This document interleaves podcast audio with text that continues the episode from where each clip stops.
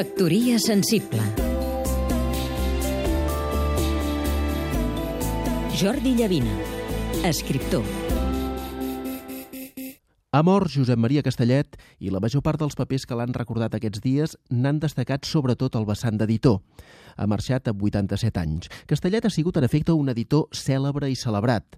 La seva feina al capdavant d'Edicions 62 té unes proporcions magnes, més pròpies d'una altra època aquelles èpoques en què hi havia editors que es preocupaven principalment de la qualitat literària dels llibres que treien i de la repercussió d'aquests títols. Però Castellet ha estat també un crític de renom, un crític temut, un crític reverenciat de la poesia espanyola, però també encara més un crític de la poesia catalana. Cal fer un esment en aquest sentit de la famosa antologia Poesia catalana del segle XX, feta a quatre mans amb Joaquim Moles, i no podem oblidar els llibres tan lúcids de l'autor sobre Pla o Espriu, a qui, per cert, no va agradar prou el seu perquè considerava que Castellet li havia descobert massa els trucs.